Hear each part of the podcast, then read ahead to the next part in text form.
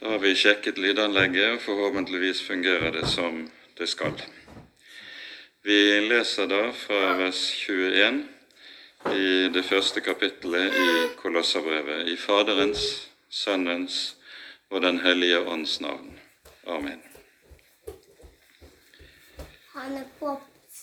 Også dere som før var fremmede og fiender av sinnelag i deres onde gjerninger, har Gud nå forlikt med seg selv ved Hans kjøds legeme ved døden, for å stille dere frem hellige og ulastelige og ustraffelige for sitt åsyn. Om dere bare blir ved i troen, grunnfestet og faste, og ikke la dere rokke fra det håp som evangeliet gir. Og evangeliet har dere hørt det er blitt forkynt for hver skapning under himmelen, og for det er jeg, Paulus, blitt tjener. Nå gleder jeg meg over mine lidelser for dere.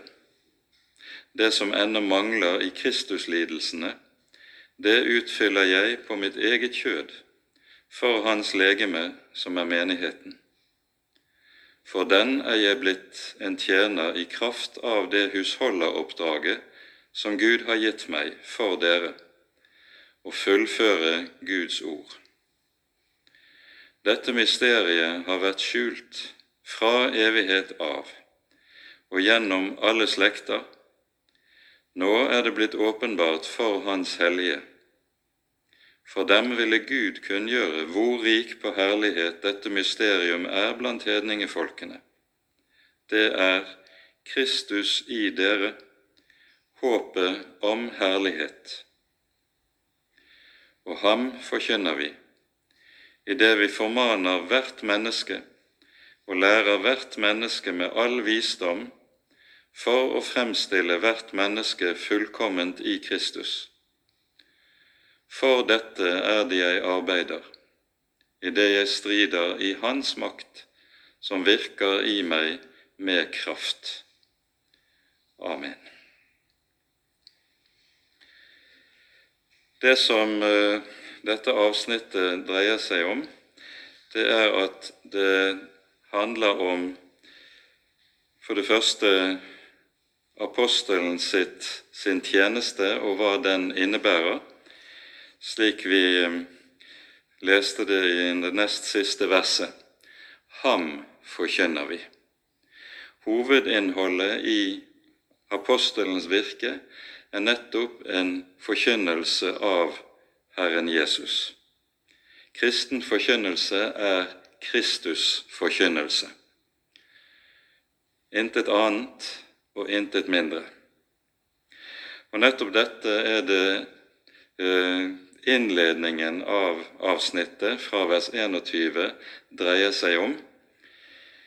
I de foregående versene som vi gikk igjennom sist gang, fra vers 15 til vers 20, er det vi hører den store hymnen om Kristi rolle som midler mellom skaperverket og Faderen. Jesus er den evige midler mellom Gud og den skapte virkelighet. Han er midler både i den gjerning som heter skapelsen, og han er midler i den gjerning som heter frelsen. Det er én og samme person det handler om. Og så munner dette ut i, som vi hører det i eh, det siste verset ved ham, ved Kristus, var det Guds vilje å forlike alle ting med seg selv da han gjorde fred.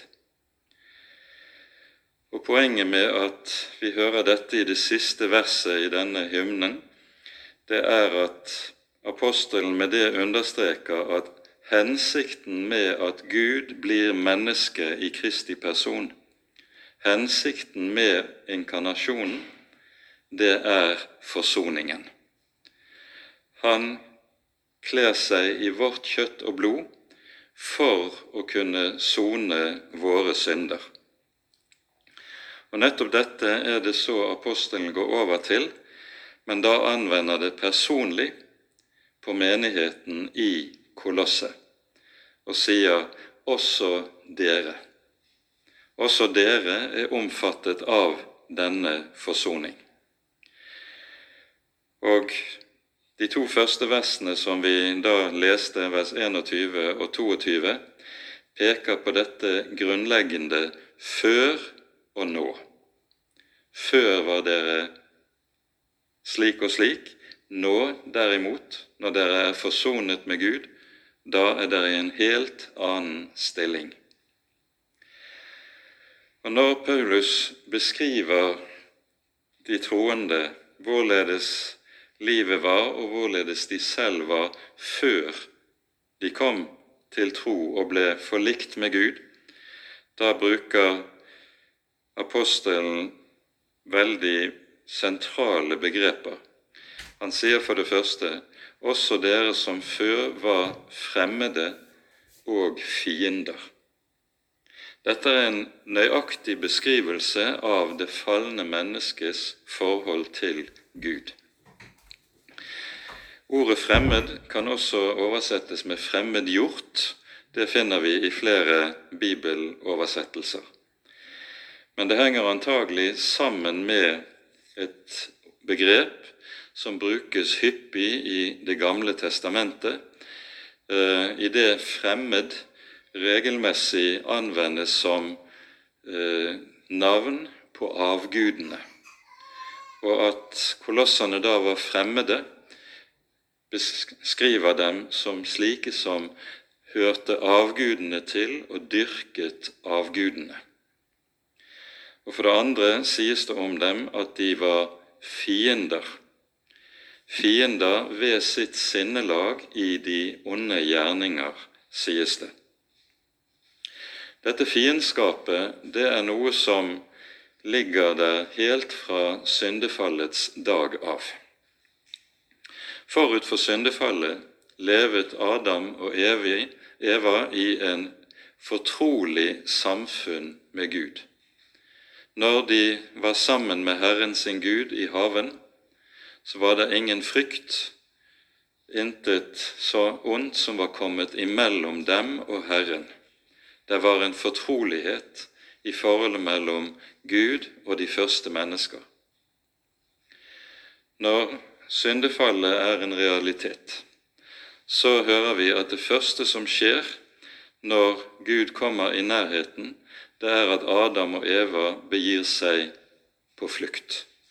De skjuler seg og gjemmer seg for Gud, og når Gud kaller dem frem og spør hvorfor de skjuler seg, så svarer Adam da jeg hørte deg i hagen, ble jeg redd. Hvorfor er mennesket redd, blitt redd for Gud? Det settes ord på dette i Johannesevangeliets tredje kapittel, i noen vers som er overmåte betydningsfulle. Etter at vi i Johannes 3, 16 har hørt den lille Bibel. For så elsket Gud verden at han ga sin sønn, den enbårne, for at hver den som tror på ham, ikke skal fortapes, men har evig liv.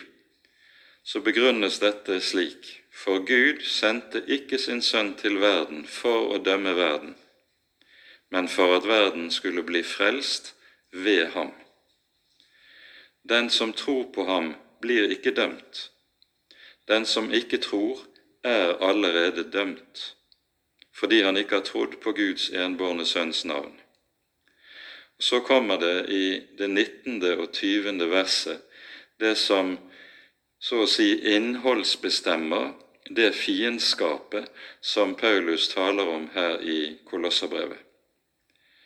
Johannes skriver videre.: Dette er dommen at lyset er kommet til verden, og menneskene elsket mørket fremfor lyset, for deres gjerninger var onde. For hver den som gjør det onde, hater lyset og kommer ikke til lyset, for at hans gjerninger ikke skal bli refset. Mennesket vegrer seg for en Gud som vil avsløre meg, avsløre min synd, avsløre sannheten om hvem jeg er. Hver den som gjør det onde, hater lyset, skriver altså Johannes. Noe lignende hører vi i det syvende kapittel, der Jesus sier følgende til sine brødre. Vi leser vers 7 i Johannes 7. Verden kan ikke hate dere, men meg hater den, fordi jeg vitner om den at dens gjerninger er onde. Ja, tenk, dette sier altså Jesus. Det er ikke ofte vi hører dette Jesus-ordet sitert. I dag forvrenges ofte det kristne budskapet som om det skulle bestå i at Jesus bekrefter hvert enkelt menneske i deres liv. Dagens mennesker er på jakt etter stadig bekreftelse, og så kommer folk, predikanter og prester løpende og klapper folk på skuldrene og lover dem at Herren bekrefter dem du må ikke tenke, for vi hører det sies i prekener og taler rundt omkring, at du ikke er god nok for Gud. Dette sies rett ut, både i det ene og det andre sted. Stikk i strid med Jesu egne ord. Når Jesus og Skriften plasserer det falne mennesket og beskriver det, så beskrives det altså meget nøyaktig slik Paulus omtaler det her. Dere var fremmede og fiender av sinnelag i deres onde gjerninger. Meg hater verden, sier Jesus, fordi jeg forkynner at dens gjerninger er onde. Slik er det, og slik taler altså Det nye testamentet meget tydelig om disse tingene. Men nettopp denne falne verden, nettopp denne falne menneskehet, som altså ikke bare er fremmed for Gud, men er Gud fiendtlig, denne falne menneskehet har Gud elsket. Elsket så høyt at han ga sin sønn, elsket så høyt at han har forlikt oss med seg selv. Og dette verbet som anvendes her i vers 22, å forlike, det betyr nettopp å stifte fred mellom fiender. Og det fiendskap det her er tale om, det er dobbelt.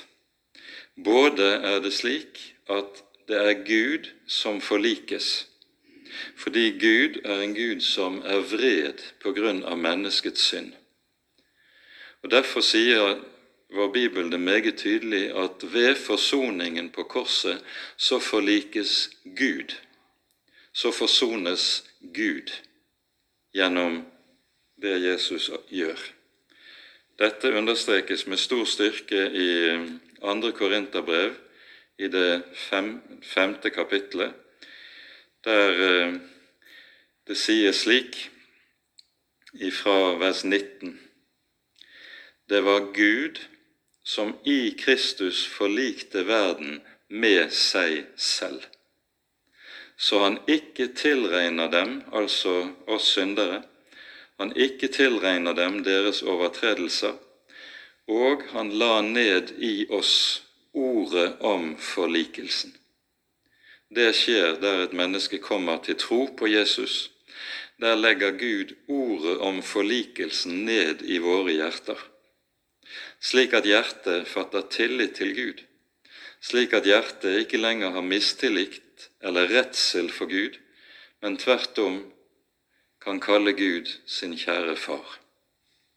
Så fortsetter Paulus her med å si så er vi da sendebud i Kristi sted, som om Gud selv formaner oss ved oss. Vi ber dere i Kristi sted, la dere forlike med Gud.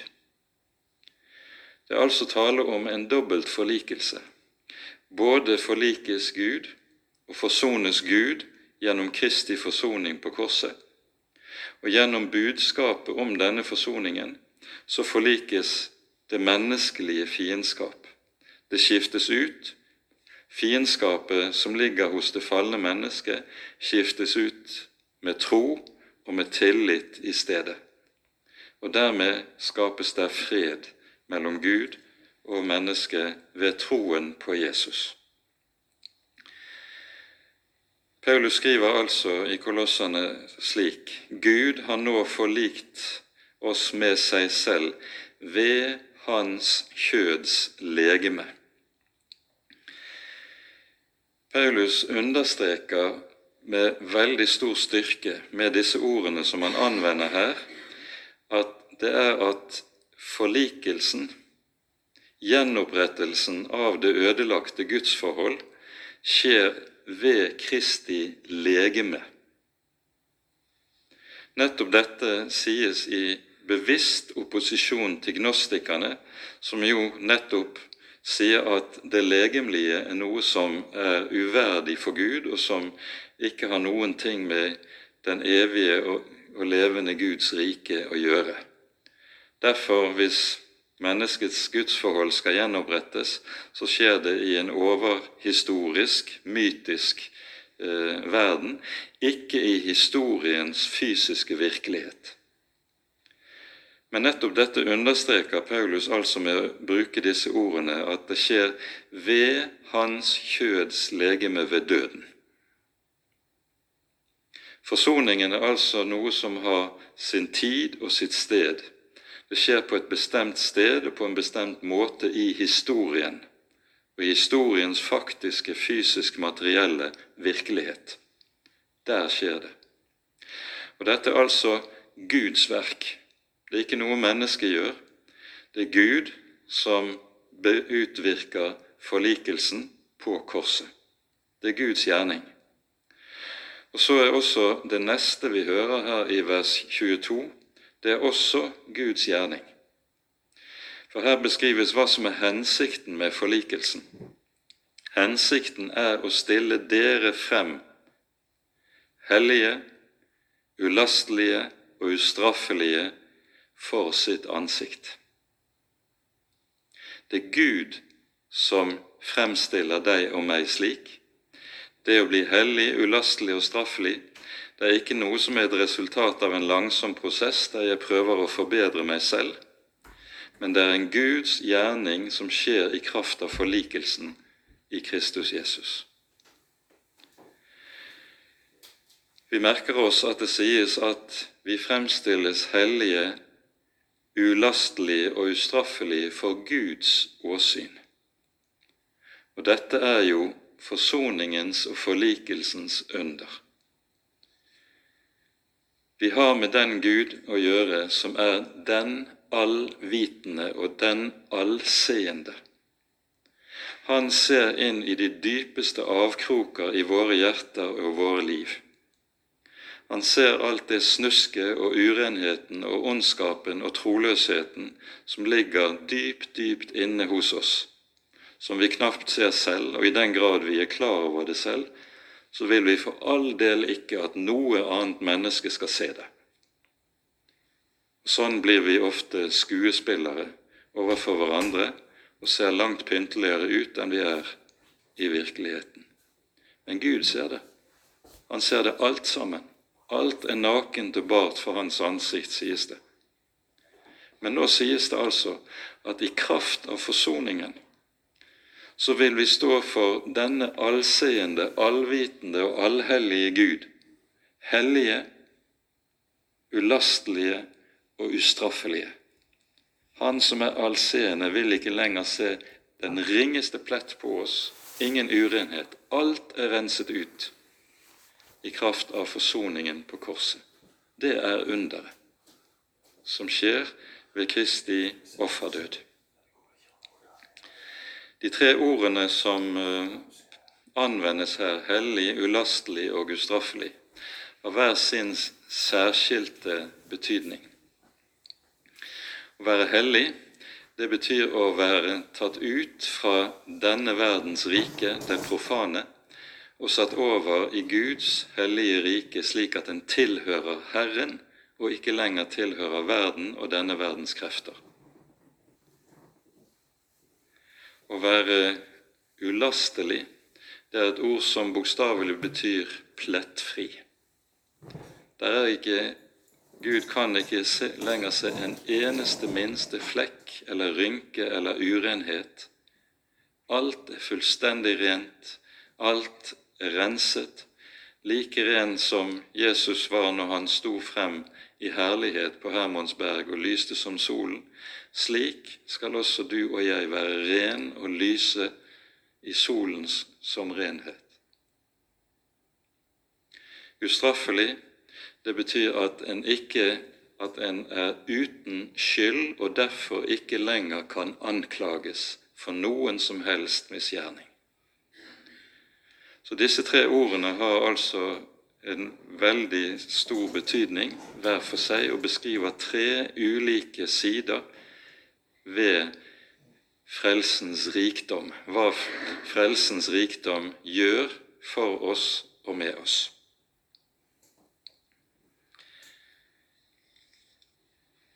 Og så fortsetter Paulus i det 23. verset med å si:" Så sant dere bare blir ved i troen grunnfestet og faste, og ikke la dere rokke fra det håp som evangeliet gir. Når Paulus i foregående vers har talt om at vi stilles frem for Herren, hellige, ulastelige og ustraffelige, så taler han om dommens dag. På den siste dag skal de, hvert menneske som møter for dommen, ikledd Kristi rettferdighet, han skal være slik være hellig, ulastelig og ustraffelig i Guds øyne. Paulus taler om dommens dag, men det er betinget av at vi blir bevart i troen, om dere bare blir ved i troen, grunnfestet og faste.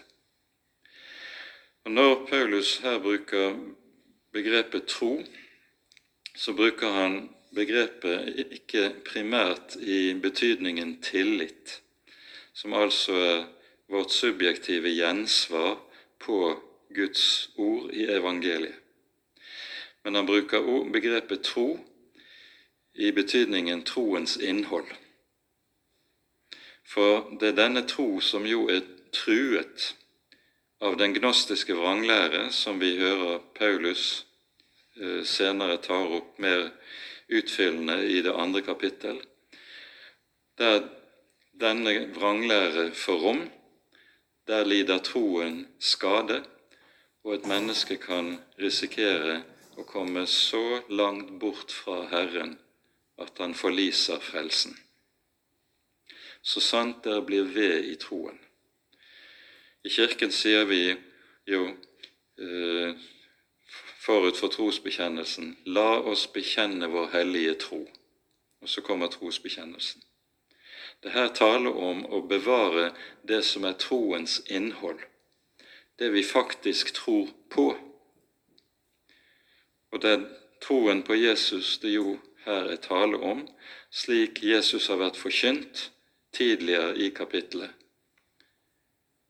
Som Gud kommet i kjøtt og blod, som den som er den evige midler mellom Skaperen og den skapte virkelighet. Det er denne tro på den Herre Jesus Kristus Paulus taler om, som også må bli bevart hos oss. Og Når han bruker begrepene grunnfestet og faste, så skjønner vi hva som ligger i det.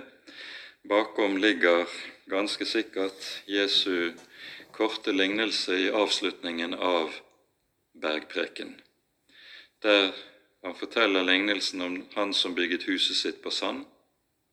Det blir ikke stående når prøvelsens tid kommer, mens han som han bygde på klippegrunn, der ble huset stående. Slik må troen også ha et fast feste, så den ikke blåses over ende av det minste vindpust eller den hvilken som helst prøve som den måtte bli satt på grunnfestet og faste, så dere ikke lar dere rokke fra det håp evangeliet gir. Og evangeliet har dere hørt, det som også er blitt forkynt for hver skapning under himmelen, og for det er jeg, Paulus, blitt tjener. Ja, de har hørt evangeliet. Evangeliet er dette bestemte budskap om Jesus, og det er det budskapet om Jesu person og Jesu gjerning, det er det som skaper tro. For troen kommer av forkynnelsen. Troen kommer av forkynnelsen fordi evangeliet er Guds kraft til frelse. Og slik har de også i Kolosset kommet til tro på Herren Jesus. Når vi nå kommer til vers 24, går Paulus over til å tale om sin tjeneste. Og Dette innledes med ordene der han sier Nå gleder jeg meg over mine lidelser for dere. Her eh, hører vi Paulus anvende en talemåte som nesten kan fortone seg fremmed for oss. Når man lider vondt, så har man jo mer lyst til å klage og gråte. Men Paulus sier altså her jeg gleder meg over mine lidelser. Det samme hører vi jo om Peter og Johannes når de er blitt hudstrøket for Det høye råd i apostelgjerningene kapittel 5. Det står at de gikk ut derfra glade over å ha fått den ære å lide for Kristi skyld. Og lignende toner hører vi også i 1. Peters brev når det taler om det å lide for Jesus skyld. Salige er dere om dere lider for det navns skyld, lyder det. Samme sak som Jesus også understreker i bergpreken i det femte kapittelet. Lidelsen for Jesus skyld, det er en ære for en kristen. For Jesus har sagt meget tydelig hva en kan forvente om en følger ham og ikke fornekter ham. Har de forfulgt meg, skal de forfølge dere. Det har han sagt meget tydelig i flere ulike sammenhenger, som vi hører det i evangeliene. Nå sier Paulus at han lider for dere, altså for de troende i Kolosset, og det må vel også utvides til de troende for øvrig. Det er jo slik at fiendskapet fra maktene og myndighetene det ytrer seg alltid slik at man prøver å ta og pågripe, straffe og rydde av veien de som er ledere de som er satt til å være hyrder for menighetene. Og i den forstand lider Paulus så å si for eller på vegne av menigheten. Og Så hører vi et merkelig uttrykk som Paulus nå anvender.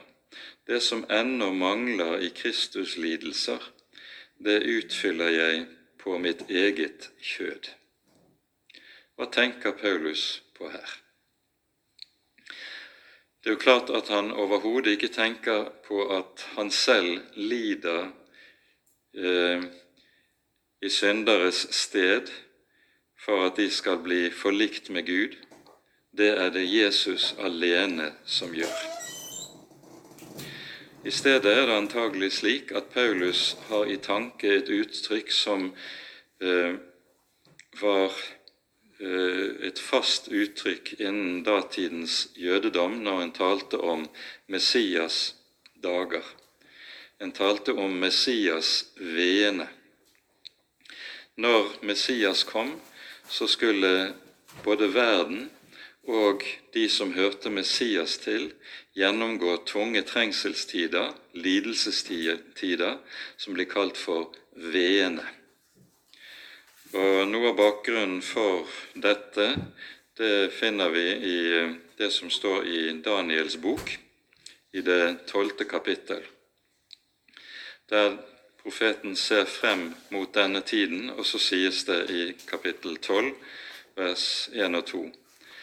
Det skal komme en trengselstid som det ikke har vært fra den dagen noe folkeslag ble til, og til den tiden. Men på den tiden skal alle de av ditt folk bli frelst, som finnes oppskrevet i boken. Det er altså tale om en frelsens tid som samtidig også er en dyp trengselstid. Og Dette er antagelig de Messias lidelser eller Messias veer som Paulus knytter an til i dette verset. Tankegangen er da den at når Messias-veene inntreffer, så betyr det at tiden nærmer seg, når han utfyller dette i sitt eget kjød, så betyr det at Jesu komme vil komme nærmere. Og slik utfyller han i sitt kjød disse lidelser for Jesu legeme, som er menigheten. Og så legger han til i det neste verset For den er jeg blitt en tjener nå hører vi altså i disse versene at Paulus først i vers 23 sier at han er satt til å være tjener for evangeliet, og så i vers 25 sier han om seg selv at han er en tjener for menighetene. Og Dette er et begrep som er uhyre viktig å være klar over, for dette gjelder alle som er satt til å være hyrder og lærere i den kristne menighet. De er tjenere. De er ikke herskere. Peter tar dette opp direkte i eh, eh, det femte kapittelet i sitt første brev, når han sier til dem som er satt til å være eldste og, og hyrder i menighetene, at de skal ikke være som de som vil herske over menighetene. I dette griper Peter tilbake til det som Jesus selv har undervist om, når han sier at den som vil være den fremste iblant dere, han skal være alles tjener. Og så har vi fortellingen om fotvaskingen, som kommer inn i denne sammenheng, der Jesus sier at her er han et forbilde, like som jeg, som er, jeg er deres herre, og like som jeg har vasket deres føtter, skal dere vaske hverandres føtter. Det vil si at de som er de fremste, og som settes til å være apostler og hyrder for Herrens folk, de skal ikke være herskere, men de skal være tjenere. Det er den grunnleggende selvforståelsen i Kristi rike her i verden. Og der Kristi tjenere opphøyer seg til å bli herskere, der går det alltid galt på en eller annen måte i Kristi rike. Paulus sier altså at for menigheten er jeg blitt en tjener i kraft av det husholderoppdraget som Gud har gitt meg for dere, å fullføre Guds ord. Paulus kaller flere sammenhenger eh, Guds frelsesplan for verden for en husholdning. Dette uttrykket brukes bl.a. i eh, Efeserbrevet et par ganger. Det frelses husholdningen, og Samtidig så har Gud i denne husholdningen gitt noen en tjenesteoppgave der de skal være forvaltere i Guds husholdning. Og det er denne forvaltertjenesten Paulus her omtaler. Eh, han sier dette eh, ende frem og rett ut i det fjerde kapittelet i første Korinterbrev. Han sier der at således skal dere regne oss som forvaltere på Kristi vegne. Forvalteren, han styrer han eier ikke selv husholdningen. Han er bare satt til å forvalte den på vegne av husets herre. Og det er Kristus som er husets herre, og så skal forvalteren sørge for å utrette alt etter hans vilje, som er husets herre. Og Derfor sier han, 'Jeg er blitt en tjener i kraft av det husholderoppdraget som Gud har gitt meg for dere', nemlig å fullføre Guds ord. Hva som ligger i dette begrepet eller uttrykket 'å fullføre Guds ord', er man usikker på. Ehm, det kan sikte muligens til to ulike ting. Det ene går på dette som Paulus er inne på i ehm, Efeserbrevet i det tredje kapittel, at det hører til frelsens hemmelighet at hedningene også har del i riket, i evangeliet. Det er altså noe som ikke bare tilhører det jødiske folk Israel, men hemmeligheten er at også hedningene har del i det. Og så er Paulus satt til å være hedningenes apostel og å bringe hedningene inn i Guds rike, og slik skal jøder og hedninger bli til ett i kraft av det samme evangelium. Det er det ene alternativet som ligger i dette. Det andre er at det kan sikte til det uttrykket som Paulus anvender i apostelgjerningene kapittel 20, der vi hører avskjedstalen hans til de eldste i Efesos. Og Her sier Paulus at han er satt til å forkynne hele Guds råd. Han sier at han, når han gjør opp status for sitt eh, virke i Efesos, så sier han at, at hans hender er ren for alles blod, for han har ikke holdt noe tilbake av Guds ord, men han har forkynt dem hele Guds råd. Det innebærer at Paulus sin forkynnelse ikke har vært ensporet. Den har ikke bestått av at han har kun forkynt sine kjepphester, slik som vi som er vanlige predikanter av og til kan komme i skade for. Nei, han har gitt en allsidig forkynnelse av Guds ord, som har gitt dem en margfull forståelse av de hellige skrifter og et sunt kjennskap til Herren. Det er det forkynnelsen av hele Guds råd fører med seg og fører inn til.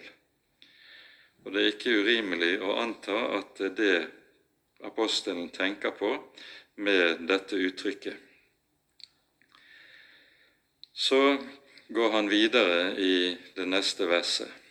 Da sier han dette mysteriet har vært skjult fra evighet av og gjennom alle slekter, og nå er det blitt åpenbart for Hans hellige.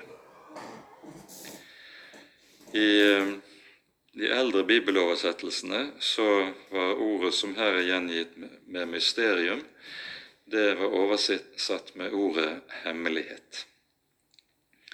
Problemet med begrepet hemmelighet, det norske ordet hemmelighet, er jo det at når du forteller en hemmelighet, så er den ikke lenger en hemmelighet. Men når vi bruker begrepet mysterium, så er det nettopp fordi at det mysterium som er gitt oss ved troen i evangeliet, det forblir et mysterium også når det er forkynt. Det opphører ikke med å være mysterium. Og Dette er viktig å være klar over denne siden ved det, og det er derfor man nå i både Bibelselskapets bibeloversettelse og Norsk bibel har valgt å oversette det greske ordet i grunnteksten slik at det står mysterium i stedet for hemmelighet. For da unngår man denne misforståelsen av ordet som kan være nærliggende ellers.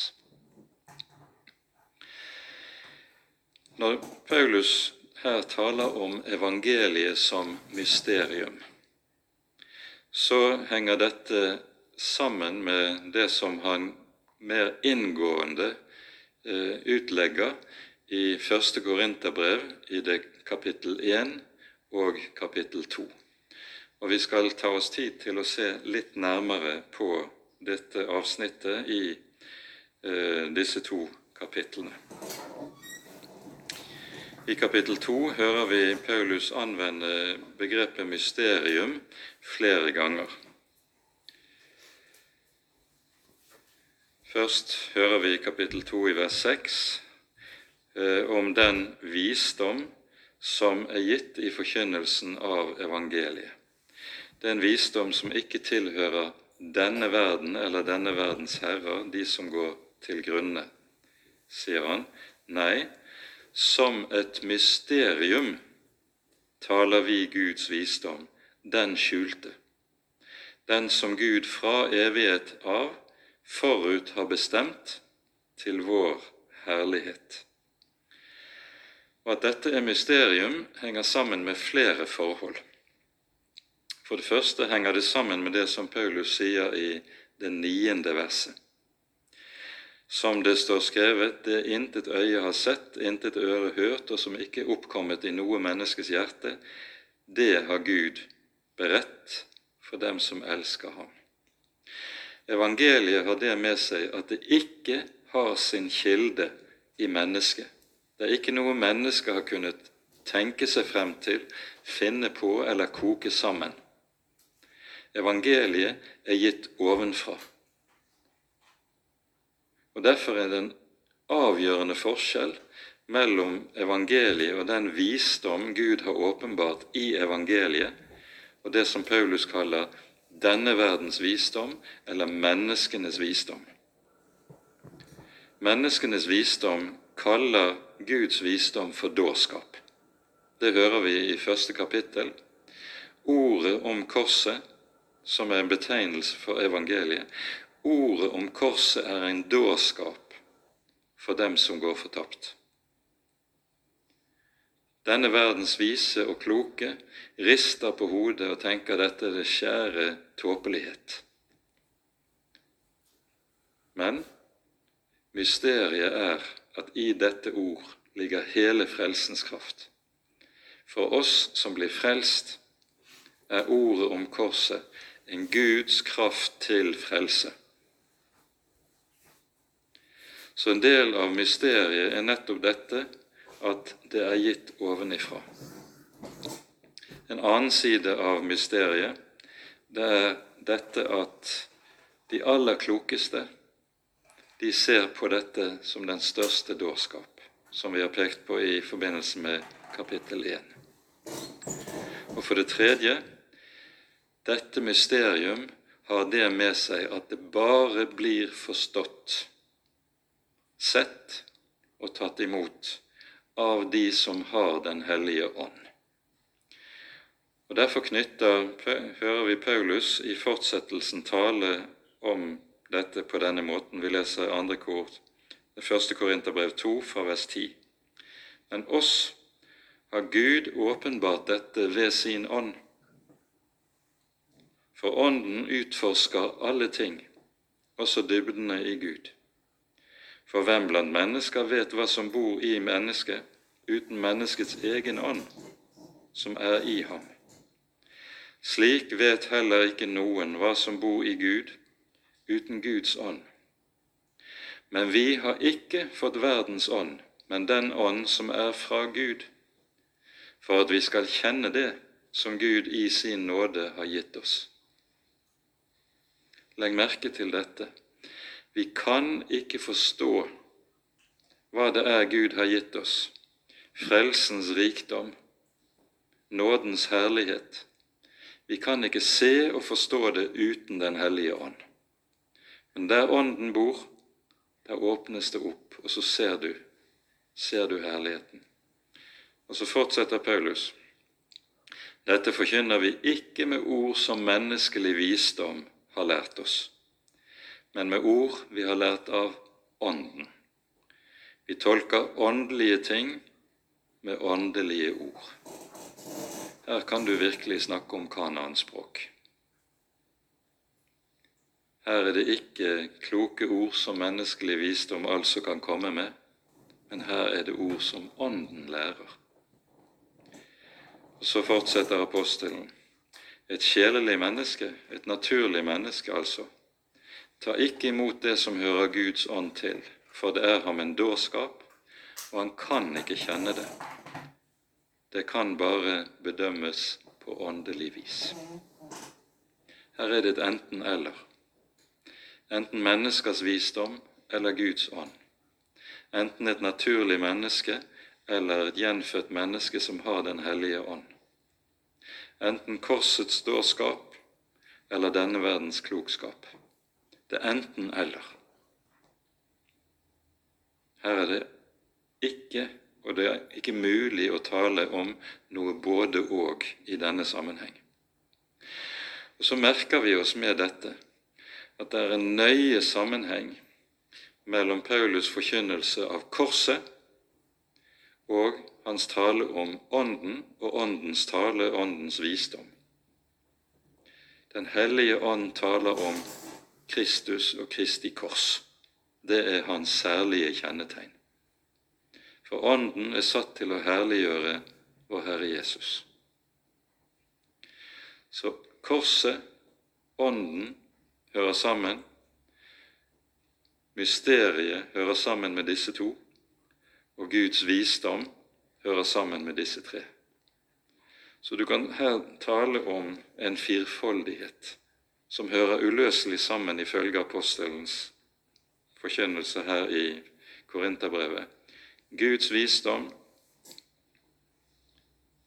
korset, Ånden og mysteriet.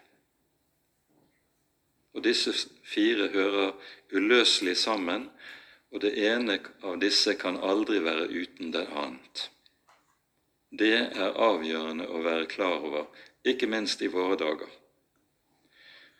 I våre dagers, ikke minst i våre dagers tale om Den hellige ånd, hvor korset regelmessig kan være fullstendig fraværende, og mysteriet kan være fullstendig fraværende, og menneskelig verstlig visdom ser ut til i høy grad å være nærværende.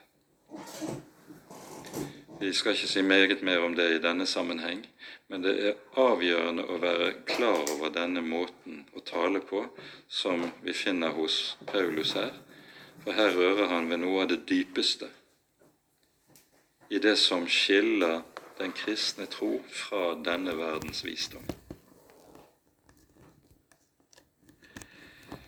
Paulus skriver i versene vi har lest, dette mysterium har vært skjult fra evighet av. Evangeliet, budskapet om korset, hemmeligheten, har vært skjult fra evighet av. Det har vært forutsagt i hellige skrifter. Nå er det åpenbart og kunngjort ved Ånden i evangeliet men det har vært skjult fra begynnelsen av. Og Når Paulus taler om fra begynnelsen av, så hører dette uløselig sammen med det som sies om vår Herre Jesus i Johannes' åpenbarings 13. kapittel. Her er det tale om lammet. Det sies i Johannes' åpenbaring kapittel 13, vers 8, at lammet er slaktet fra verdens grunnvoll ble lagt. Hvilket betyr at i Guds råd, i Guds frelses husholdning, har Gud forutsett nødvendigheten av sin sønns lidelse og død. Så når Gud skaper verden med alt som i den er, så vet han at dette skaperverk vil komme til å koste ham usigelig mye. Det vil koste ham hans sønns død på korset. Slik er det Skriften taler om at han er korsfestet fra verdens grunnvoll ble lagt. Paulus fortsetter med å si at dette mysterium har vært skjult fra evighet av og er blitt åpenbart for Hans hellige. ikke for alle, men for de hellige, de som nemlig er blitt helliget ved troen og forlikt med Gud ved Kristi blod på korset. De er det som kalles hellige i Skriften. Ingen andre ser det, ingen andre fatter hemmeligheten. For dem er det skjult. For dem, for de hellige, ville Gud kunngjøre hvor rik på herlighet dette mysterium er blant hedningefolkene. Det er Kristus i dere. Ordet 'i dere' kan oversettes med 'iblant dere'. Kristus iblant dere, håpet om herlighet. Vår Herre Jesus Kristus er mysteriets innhold. Og han er håpet om herlighet. Han er vårt håp, vårt håp om herlighet. Så minner vi i denne sammenheng om at når Paulus her taler om Gud ville kunngjøre hvor rik på herlighet dette mysterium er blant hedningefolkene, så må vi her ta inn og ta med oss ordene i Johannesprologen. Ordet ble kjød og tok bolig iblant oss, og vi så Hans herlighet. Den herlighet som Johannes vitner om at de så, det er en herlighet som ikke var synlig for det ytre øyet. Hva så de som ikke trodde på Jesus, de som altså kun så ham med det ytre øyet? De så en fattig tømmermann som nok var en dyktig lærer, men ender sitt liv med et nødskrik på et kors, i fornedrelse, fattigdom, elendighet og i smerte. De så intet annet. Det ytre øyet ser ingen herlighet, men ved Ånden ser troen Kristi herlighet skjult under korsets nederlag, korsets fattigdom. Og Dette er troens særlige kjennemerke. Den ser Kristi herlighet i korset. Det er nøkkelen. Korset er det som setter skille mellom troens folk og vantroens folk. Troens folk ser Guds herlighet i dette kors og vet at i dette kors er all frelsens fylde gjemt og gitt. Han er vårt håp om herlighet. Det er i kraft av ham, troen på ham, vi også skal nå frem til målet og fremstilles hellige, ulastelige og straffelige for Guds ansikt. Det er han som er håpet. Og så sier Paulus i det neste vers 28 Ham forkynner vi. Innholdet i forkynnelsen, hva er det? Det er Jesus. Vi taler om Jesus. Vi forkynner Jesus. Fordi dersom forkynnelsen i det hele tatt skal være båret av Den hellige ånd, så kan den ikke tale om noe annet enn om Kristus og Kristi herlighet. For Ånden er satt nettopp til dette å herliggjøre Kristus. Han skal herliggjøre meg, for han skal ta av mitt og forkynne dere, sier Jesus når han taler om Åndens gjerning. Og Herrens tjenere, de som er satt til å være Hans vitner her i verden, de taler intet annet enn det Ånden taler. Ham forkynner vi. Ham forkynner vi. Og Denne forkynnelsen er mangslungen i det vi formaner hvert menneske og lærer hvert menneske. Ordet som her er oversatt med 'å formane', det er et ord som bokstavelig betyr å legge på sinne.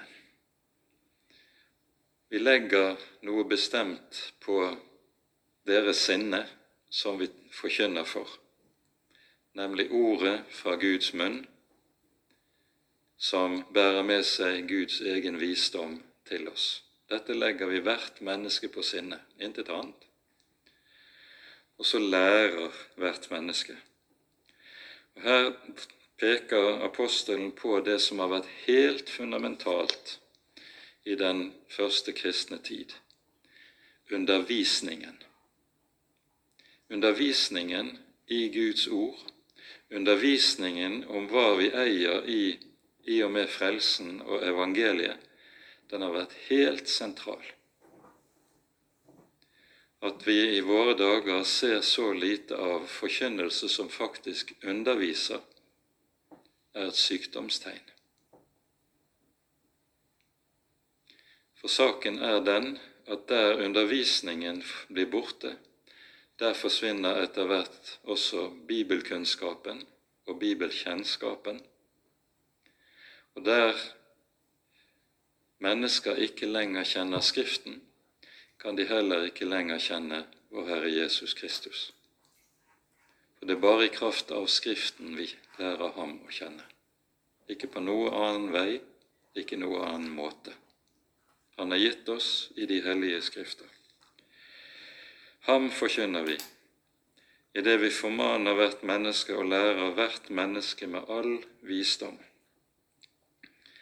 for å fremstille hvert menneske fullkomment i Kristus.